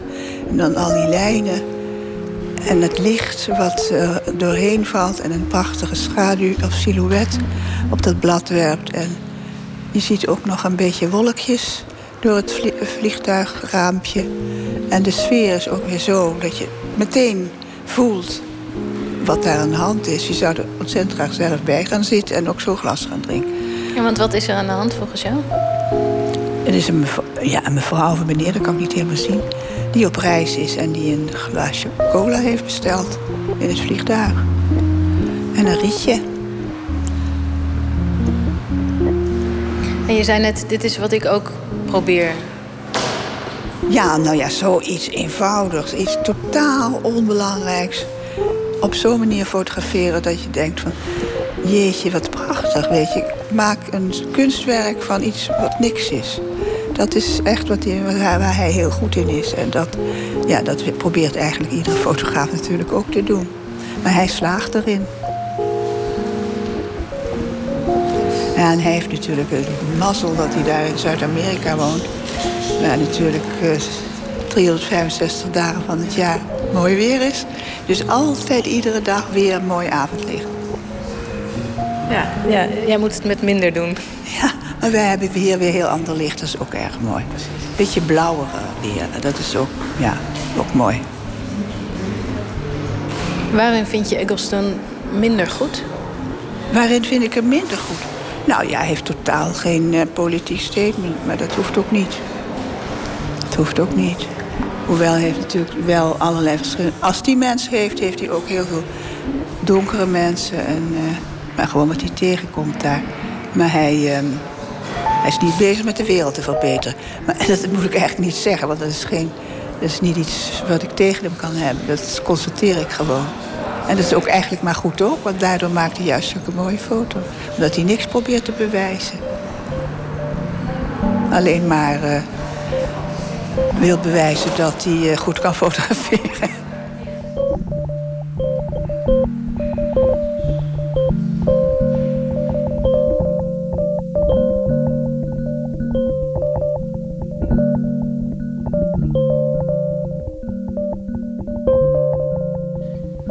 Te zien in uh, FOAM in Amsterdam, de tentoonstelling met het werk van William Eggleston. En dit was een uh, bijdrage van Tjitske Musche in gesprek met Bertien van Manen. Work Drugs, een uh, duo uit Philadelphia. En dit is de single Giving Up the Feeling.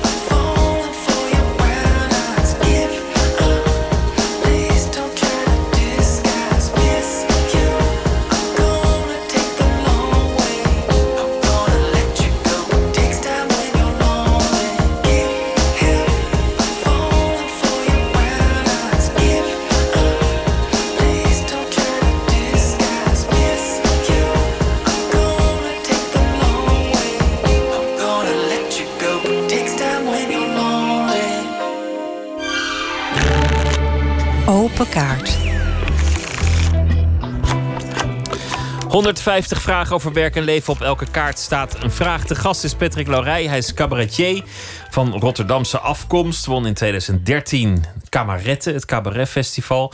Stond al eerder in het voorprogramma van Theo Maassen. Trad een aantal keer op op Lowlands. Er zijn nu een aantal dingen aan de hand. Namelijk eh, dat hij bezig is met zijn voorstelling Dekking Hoog. Een term van het kickboksen waar hij fanatiek aan doet. En eh, komende vrijdag staat hij in Carré na de show van Theo Maassen. En in mei zal hij in de Ziggo Dome het voorprogramma verzorgen van zangeres Anouk. Patrick Lorij, hartelijk welkom. Hey man.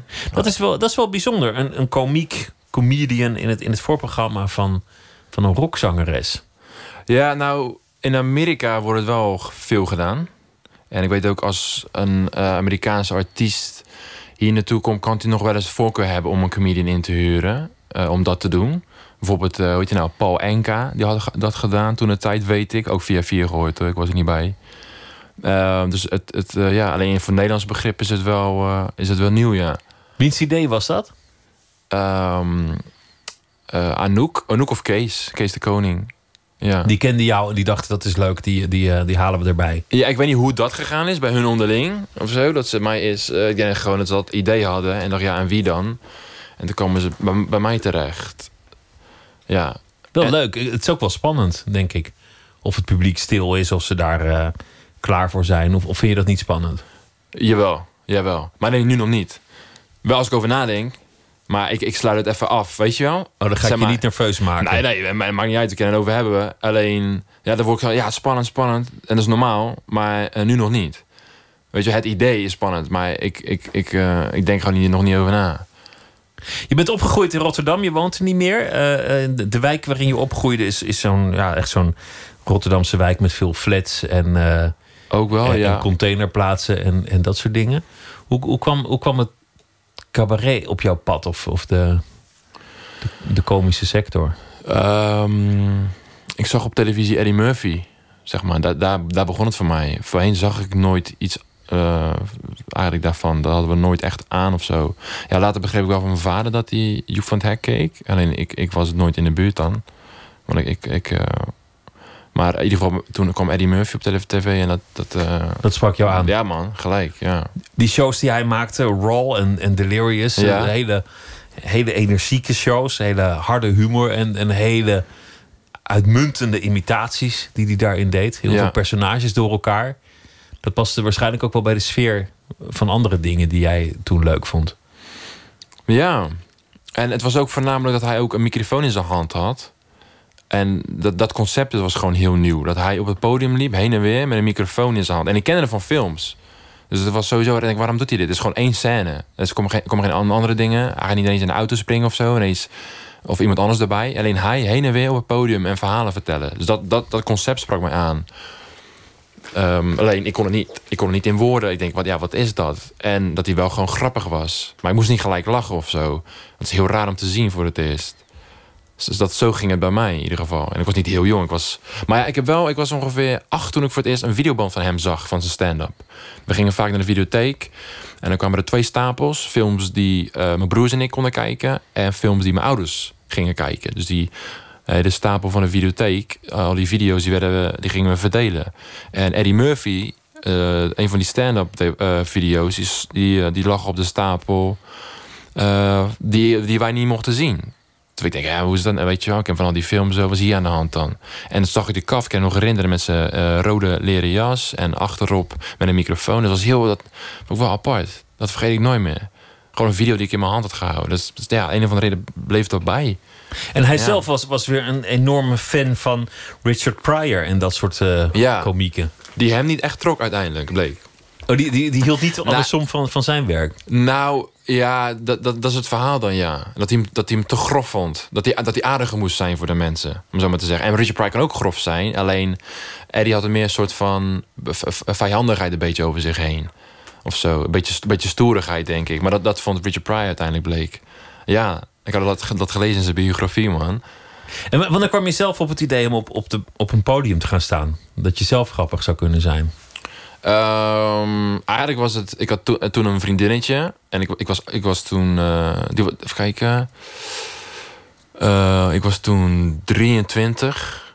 En, ehm, of ja, 23. En zij had me ingeschreven. Ik had al een keer tegen haar gezegd van... joh, ehm, ik zou wel een keer op eh, willen optreden of zo. eh, maar ik had niet echt, was niet echt. Gewoon een paar keer zei, ja, moet je gewoon doen.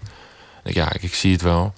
En zij had toen een eh, flyer gezien eh, dat je mee kon doen als, als stand-upper. Ook hip-hop en van alles en nog wat, rappers en al dat. En zo, zo ging dat. Ja, nu moest ik wel. Vier minuten moest ik dan stand-uppen. Zo is dat gegaan. En een dag van tevoren heb ik een paar dingetjes opgeschreven. Dat ik denk, ja, dit, dit, dit, hier wil ik wel over hebben. Maar je weet nog niet hoe het allemaal moet. Maar ja, dat, dat ging wel... Ze moesten allemaal lachen. Maar niet alleen ook om de grap, ook gewoon om mij. Want af en toe ze ging te snel praten of zo... wat ik nog steeds een beetje kan doen. En, en dat, dan bedoelde ik dat. Dus alles werd op gewoon, gewoon... Alles was gewoon raak. Vaak vertel jij over dingen die je zelf hebt meegemaakt, waar je vandaan komt, waar, waar je in je leven mee bezig bent. Het zijn vaak gewoon persoonlijke anekdotes uit jouw leven. Wa- Was Ja. dat meteen zo vanaf het begin? Ja, ja al vrijwel eh, direct. Ja, dat was een soort van. ehm, gewoon ja, een voorkeur daar, daar, daar, daarover. Ja, als, ook als ik zeker als ik Richard Pryor eh, ging volgen, had het alleen maar over zijn leven. Eh, en dat. dat ehm, denk ik, ja, waar moet ik het anders over hebben? Want ik was niet, eh, geen absurdist of niet echt een grappen schrijver dat ik echt het allemaal kon gaan verzinnen. Ehm, dus, ehm, en sommige dingen zijn natuurlijk al aangedikt, ook die ik nu vertel. Of het is veranderd. Dus dus het feit dat was het misschien iemand anders, bijvoorbeeld niet een vriend van mij, maar ik misschien wel, die diegene was. Maar dan verander je dat eh, omdat eh, dat een, een beter verhaal wordt. Dat wel. Ja, je hebt natuurlijk ook te maken met de tijd en, eh, en dat soort dingen. Je moet het Ja. soms een beetje inkorten. Of, of gewoon grappiger maken of puntiger of wat dan ook. Ja. Ik, ik heb wel eens comedians echt, echt dood zien gaan op een podium. Omdat ze, dat ze grappen maken. En die, die gewoon landen als een baksteen. En dat er gewoon echt niks gebeurt. Niemand lacht. Of, Ja. of mensen er doorheen lullen. Ja, ja. Of, of nog ergens ding, dingen gaan gooien. Ja. Eh, heb, je, heb je wel eens last gehad van zenuwen voor je dat podium opging? Ja, zeker. Enorm. Enorm. Ja, jarenlang. Jarenlang echt eh, dat ik me echt met mijn hoofd naar beneden keek voordat ik op moest. Als mij zo ziet zitten, denk ik, ja, hoezo doet hij dit? Maar dat had je wel met elkaar. Dat, dat scheelt als je dan een, een, een, zeg maar collega's hebt en je hebt gewoon een, echt een scene. Dus die, ja, die snappen dat wel. Daar heb je het erover met elkaar. Ja, waarom doen we dit? En dan ga je, eh, ja, gewoon omdat je gewoon een behoefte hebt om daar gewoon te staan. Een of andere reden. Ja, nee, heel veel zenuwen, man. Hoe erg wordt dat? Ik heb nog steeds dat mijn, dat mijn buik een beetje raar doet. Dat ik sowieso naar het toilet moet, zeg maar. Nummertje twee, om even netjes te zijn. Schijten, om even minder netjes te zijn. Ehm tyfus veel schijten, om even grof te zijn. Nee, dat valt mij gewoon, maar wel, dat, dat heb ik wel een beetje. Maar dat is niet een soort van ding. Nu lijkt het elke keer of ik mijn broer loop te poepen. Eh, maar dat, dat, dat, het werkt wel op je buik een beetje. De zenuwen. dan- Dus dan- de dan, zenuwen, eh, ja. Ja, ja, ja. En hoe overwin je dat? wat, wat heb je dan voor rituelen voor je podium opgaat? Hoe, hoe, eh, hoe pep je jezelf op? Ehm ja, probeer het toch, toch in mijn hoofd te komen. En te concentreren op dat wat ik wil zeggen. Zonder dat echt te veel te doen. Zeg maar, dat ik mezelf kwijtraak. Dus ja, probeer toch gewoon in het moment te blijven. En ehm, vroeger was het ook zo. In de comedyclub soms denken van ja, dan, eh, ja, jij zoekt gewoon ook een beetje motivatie. Is misschien een mooie meisje die je hebt gezien. Ga je van je achterhoofd voor haar spelen. Dat soort dingen bijvoorbeeld. Of eh, iemand anders voor jou ging heel goed. Dat, dat soort dingen eigenlijk. Dat wist het een, be- een beetje. En nu is het meer van, oké, ik, ik heb iets te vertellen en daar sta ik achter. En dan daarvoor gaan, zeg maar. Zullen we beginnen met de kaarten? Hier zijn ze. Ik wil je vragen een kaart te trekken. En, Nee, ik heb niet zo zin. Haha, de, de vraag voor te lezen. Oké, ehm, ma- maakt niet waar, hè? Gewoon... Ja, een beetje halverwege of zo. Oké. Ja, ik, ik schud altijd heel dus slecht. Oké, oké, oké. Ik pak één aan. Oké. Ben je het type van de harde breuk of van vriendschap met je ex? Ja, beetje beide. Hangt van het geval af. Hangt van het geval af, ja. Ja. En het gaat om, dat gaat dan dat ik dat eh, daarvoor kies, toch? Neem ik aan. Ja, Ik of wat bij je past of wat meestal is gebeurd. Of, eh, of daar een lijn in te trekken valt. Ehm, nee man, dat wisselt. Dat is het antwoord. Trek toch een kaart. kan je leven van wat je doet. Ja. Goed of, of is het een beetje sappelen? Nu, nu al, eh, nu al goed. Ja. Mooi, neem nog een Ja. kaart. Ben je wel eens in therapie geweest? Ja. Wanneer Ja. was dat? Ik had een coach heel lang. Echt gewoon, gewoon, ja, dat noem je dan coach. Dus die is niet een, niet een, een psycholoog of psychiater, maar een, een, een coach. Vier jaar lang. Eh, dat, dat was tot twee jaar terug. En daarna ging ik naar een psychiater. Ja, even wat... eh, Even wat dingen eh, even- opruimen. Even, even weer even, of, even op schroeven, zeg maar. Even weer even groot onderhoud. En wat heeft het je geleerd? Ehm, zo. Nou, dat eh, antidepressiva bestaat. En dat dat wel oké oké kan zijn. Medicatie. Ja, ik was heel erg anti. Eh, maar het heeft me wel geholpen, ja. En eh wat nog meer? Ehm, ja, ik weet niet, man. Eigenwaarde, daar komt het op neer. Daar, daar, daar, uiteindelijk komt het daarop. Ik denk elke psychologie of psychiatrie komt daarop neer, vanuit eigen kracht. Maar dat besef daarvan, dat je. ehm, op een gegeven moment zei hij: er is alles. Nee, er is, eh, er is liefde en de rest. En dat, is, dat kan heel fucking vaag klinken. Eh, maar eh, toen hij dat zei, was, zat ik ook in een bepaalde plek met mijn hoofd dat ik het snap en, en begreep.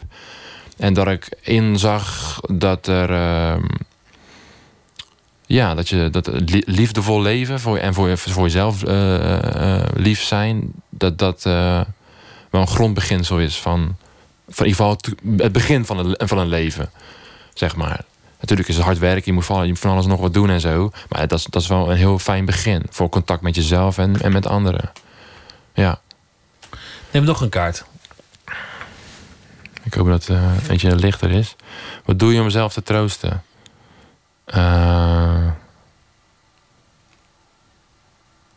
ik dacht daar laatst aan. Dat is, wel, dat is wel een beetje een ding. Dat je, dat je jezelf niet echt... Het is lastig om jezelf te troosten. Je kan jezelf niet een schouderklopje geven. Althans, iemand, moet jou echt, iemand anders moet jou echt aanraken, toch?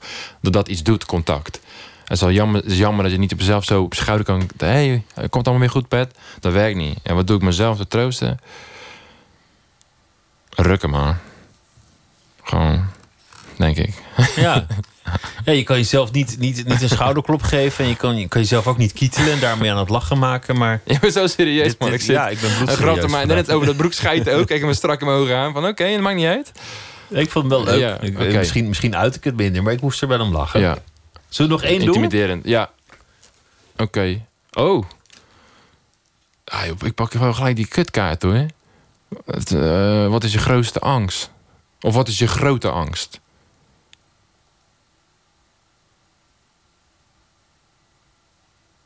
Ja. De dood. Dus daar zijn alle angsten op terug te voeren, toch? Ja, precies. Dus ik denk, ik maak mezelf makkelijk. Gewoon de dood, toch? Ja, ja, die komt wel een keer. Daar hoef je ook niet bang voor te zijn. Nee, dat is waar.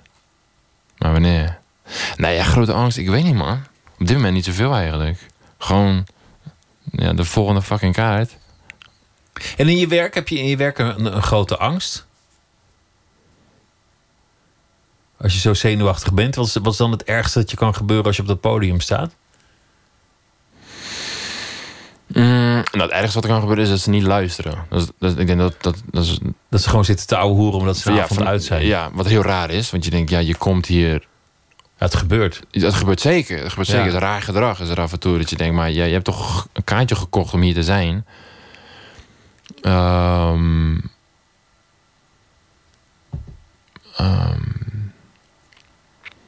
nee, ik... ehm, ja, op een gegeven moment... Je wilt gewoon, gewoon ontwikkelen als, eh, in, in wat ik doe. Als dat om, om de een of andere reden niet, niet lukt... Dat is dat wel... Ja, en degene die, die nu tegen je opkijken... of die, die je tof vinden, die ik ook tof vind... dat die dan eh, tegen je keren of zo. Dat, dat, is wel, dat lijkt me wel heel naar. Dat je op een gegeven moment... Maar ja, daar ben je zelf, daar ben ik gewoon allemaal zelf bij. Gewoon bij mezelf blijven en niet, eh, een of andere rare programma's zitten. Maar voorlopig gaat het hartstikke goed. En je bent eh, vrijdag te zien in Carré, na Theo Maassen. Kaartjes zijn los verkrijgbaar, daarna nog op reis. Het eindigt in Rotterdam, je tournee. En in mei in de Ziggo Dome als voorprogramma van Anouk. Ja. Dankjewel, Patrick Laurij. Graag gedaan, man. Jij bedankt.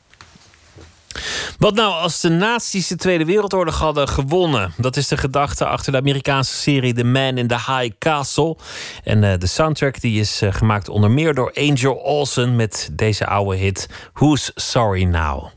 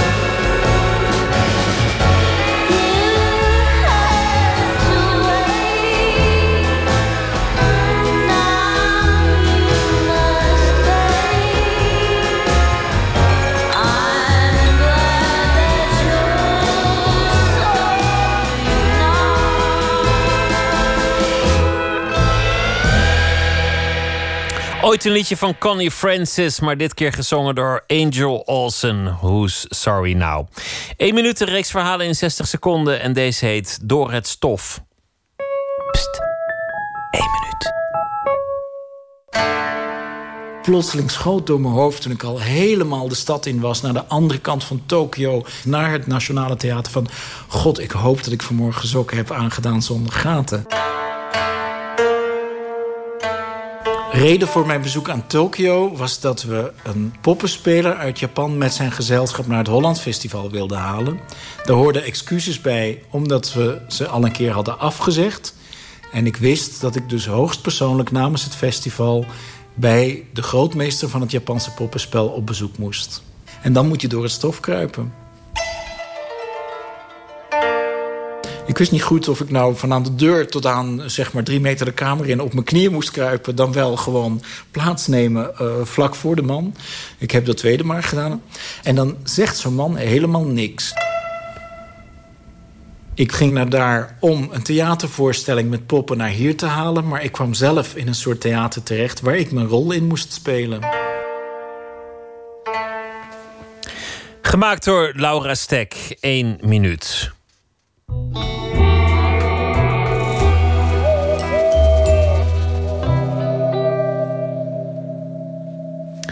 Erik Jan Harbens zal deze week elke nacht een verhaal voor ons maken bij de voorbije dag.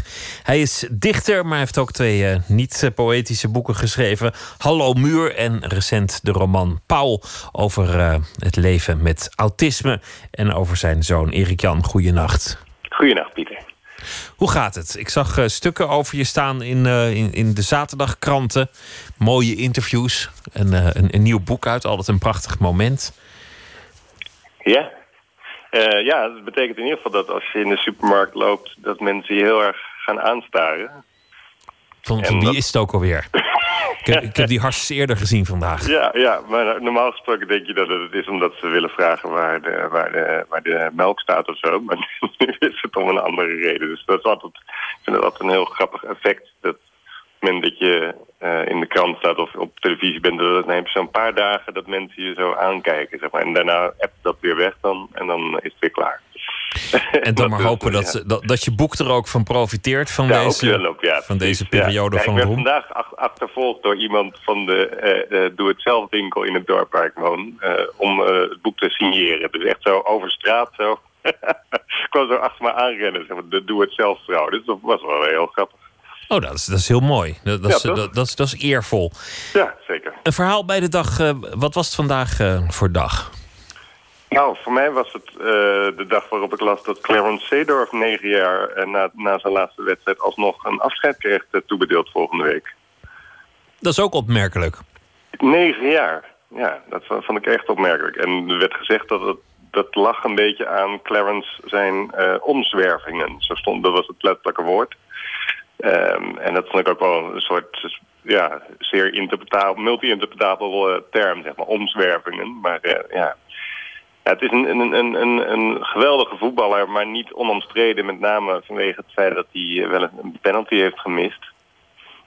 Wat hem dan zwaar wordt aangerekend. Wat op zich een beetje merkwaardig is, omdat we allemaal collectief vrij beroerd zijn in penalty nemen. Dus er is nog iets anders aan de hand met hem. En dat zal iets te maken hebben met een soort zelfvertrouwen dat hij uitstraalt. Wat, wat we in Nederland misschien niet zo goed trekken. Maar daar gaat mijn hele stuk niet over. Maar dat, was wel, dat zijn wel zo wat voorgedachten. Ja, maar wat hem altijd wordt nagedragen is dat hij, dat hij hem niet miste, maar dat hij hem miste nadat hij dan geroepen zou hebben: laat mij maar. Ja, ja, ja, precies. Ja, ja. Of dat Ja, nee, waar is, weet ik niet, maar dat is het, het cliché dat mensen hem altijd zullen nadragen. Ja, ja, nee, precies. Maar het is ook een soort zelfvertrouwen waar, waar we denk ik een beetje jeuk van krijgen of zo. Dat, ik denk dat we dat gewoon niet trekken. Misschien omdat we het zelf niet hebben. Maar eh, dus dat, dat- ook zoiets is er ook aan de hand, dat weet ik zeker. Ik ben benieuwd naar je verhaal. Ga je gang.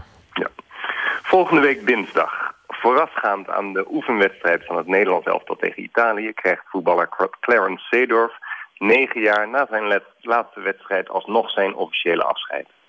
Ik ben daar tegen. Niet omdat ik een van Nederlands grootste voetballers zijn feestje niet gun, maar omdat ik het helemaal gehad heb met afscheid nemen. Ik wil nu wel eens iemand verwelkomen in plaats van uitzwaaien. Er gaan alleen maar mensen weg.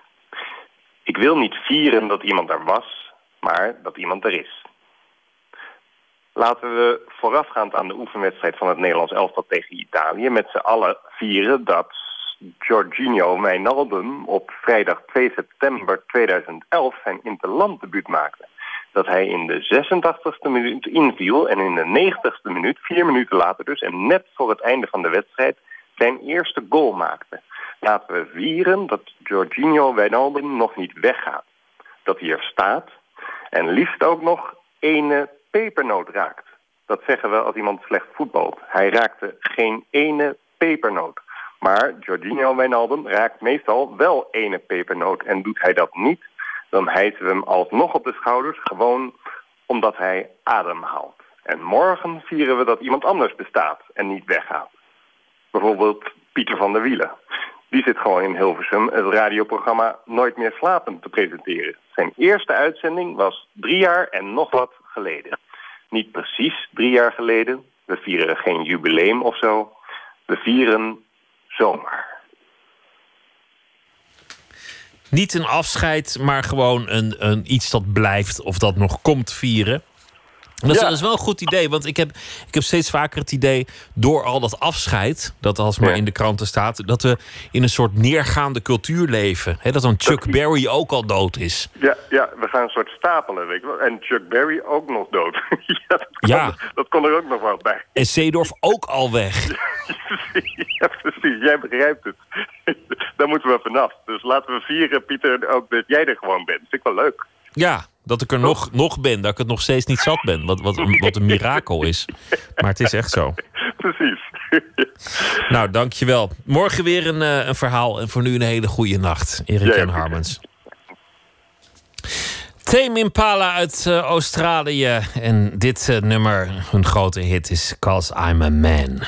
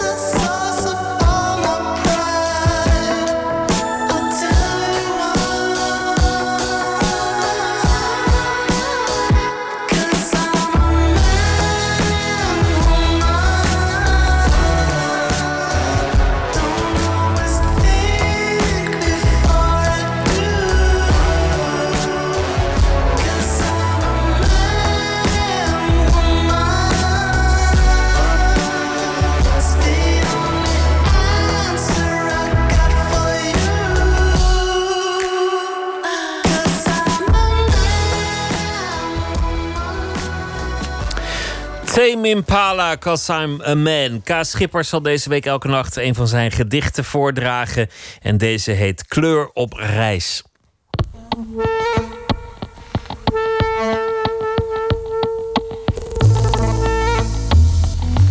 Kleur op reis. Schilder bruin altijd een paar tinten lichter dan het gewenste bruin. Het wordt donkerder bij het drogen. Picturaal voorrichten als bij het schieten op een tank. Wel rekening houden met de snelheid. Maar wat bedoel je als je zegt de verf droogt snel? Komt er toch iets vooruit, al wordt er niets verplaatst? Kan kleur zonder zichtbare beweging vaart hebben? Een kleur met tempo?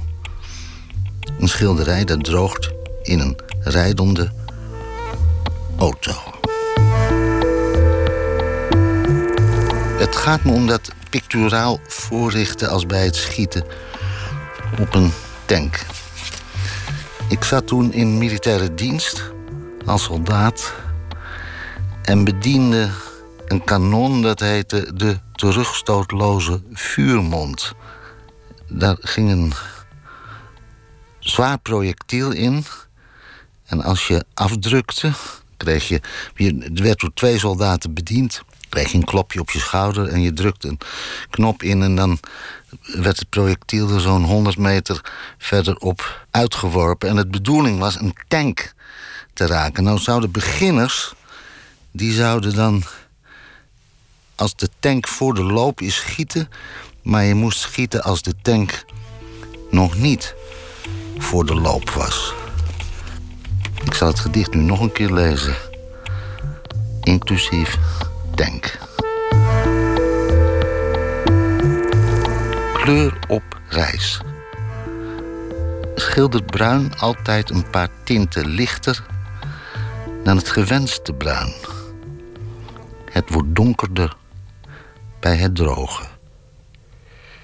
Picturaal voorrichten als bij het schieten op een tank. Wel rekening houden met snelheid. Maar wat bedoel je als je zegt... de verf droogt snel, komt er toch iets vooruit... al wordt er niets verplaatst? Kan kleur zonder zichtbare beweging vaart hebben? Een kleur met tempo? Een schilderij dat droogt in een rijdende auto. Kaas Schippers was dat. Ik wens u een goede nacht en heel graag weer tot morgen. Op Radio 1, het nieuws van alle kanten.